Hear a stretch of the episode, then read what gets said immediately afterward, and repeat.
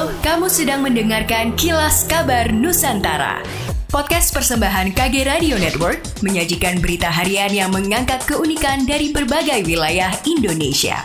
Kilas Kabar Nusantara dapat juga didukung oleh pengiklan loh.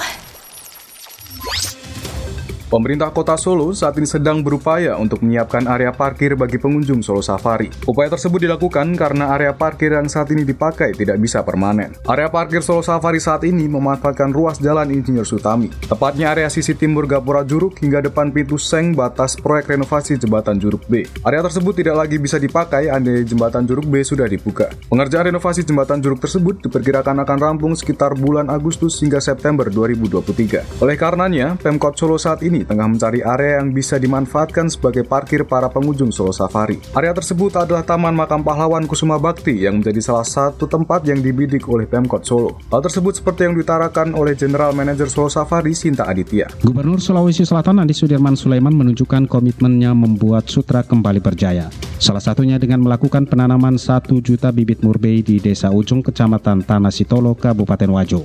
Andi Sudirman mengatakan program sejuta murbei merupakan bantuan keuangan provinsi tahun 2023 senilai 3,4 miliar. Bantuan tersebut sudah termasuk peralatan pembuatan sutra yakni rumah ulat dan sumur bor.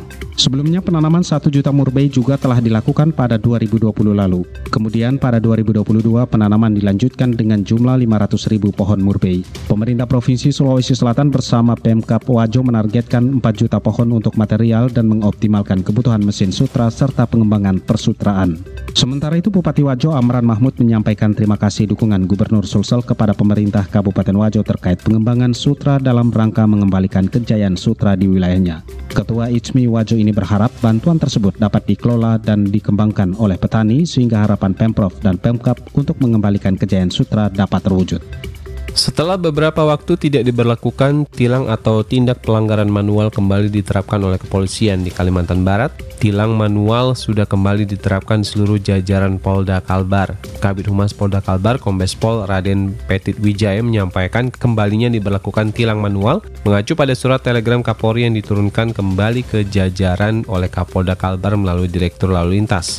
Kombes Pol Raden Petit menerangkan tilang manual dilakukan untuk penindakan terhadap pelanggar yang nyata. Di antaranya melakukan pelanggaran yang dapat mencelakakan dirinya atau orang lain seperti ngebut di jalan, berkendara tanpa mengenakan helm, ugal-ugalan, kendaraan tidak layak pakai, pengendara di bawah umur, berkendara dalam kondisi mabuk. Kemudian kendaraan tidak sesuai spesifikasi teknis seperti knalpot brong tanpa pakai lampu depan, tanpa spion, dan kendaraan yang tidak sesuai peruntukannya.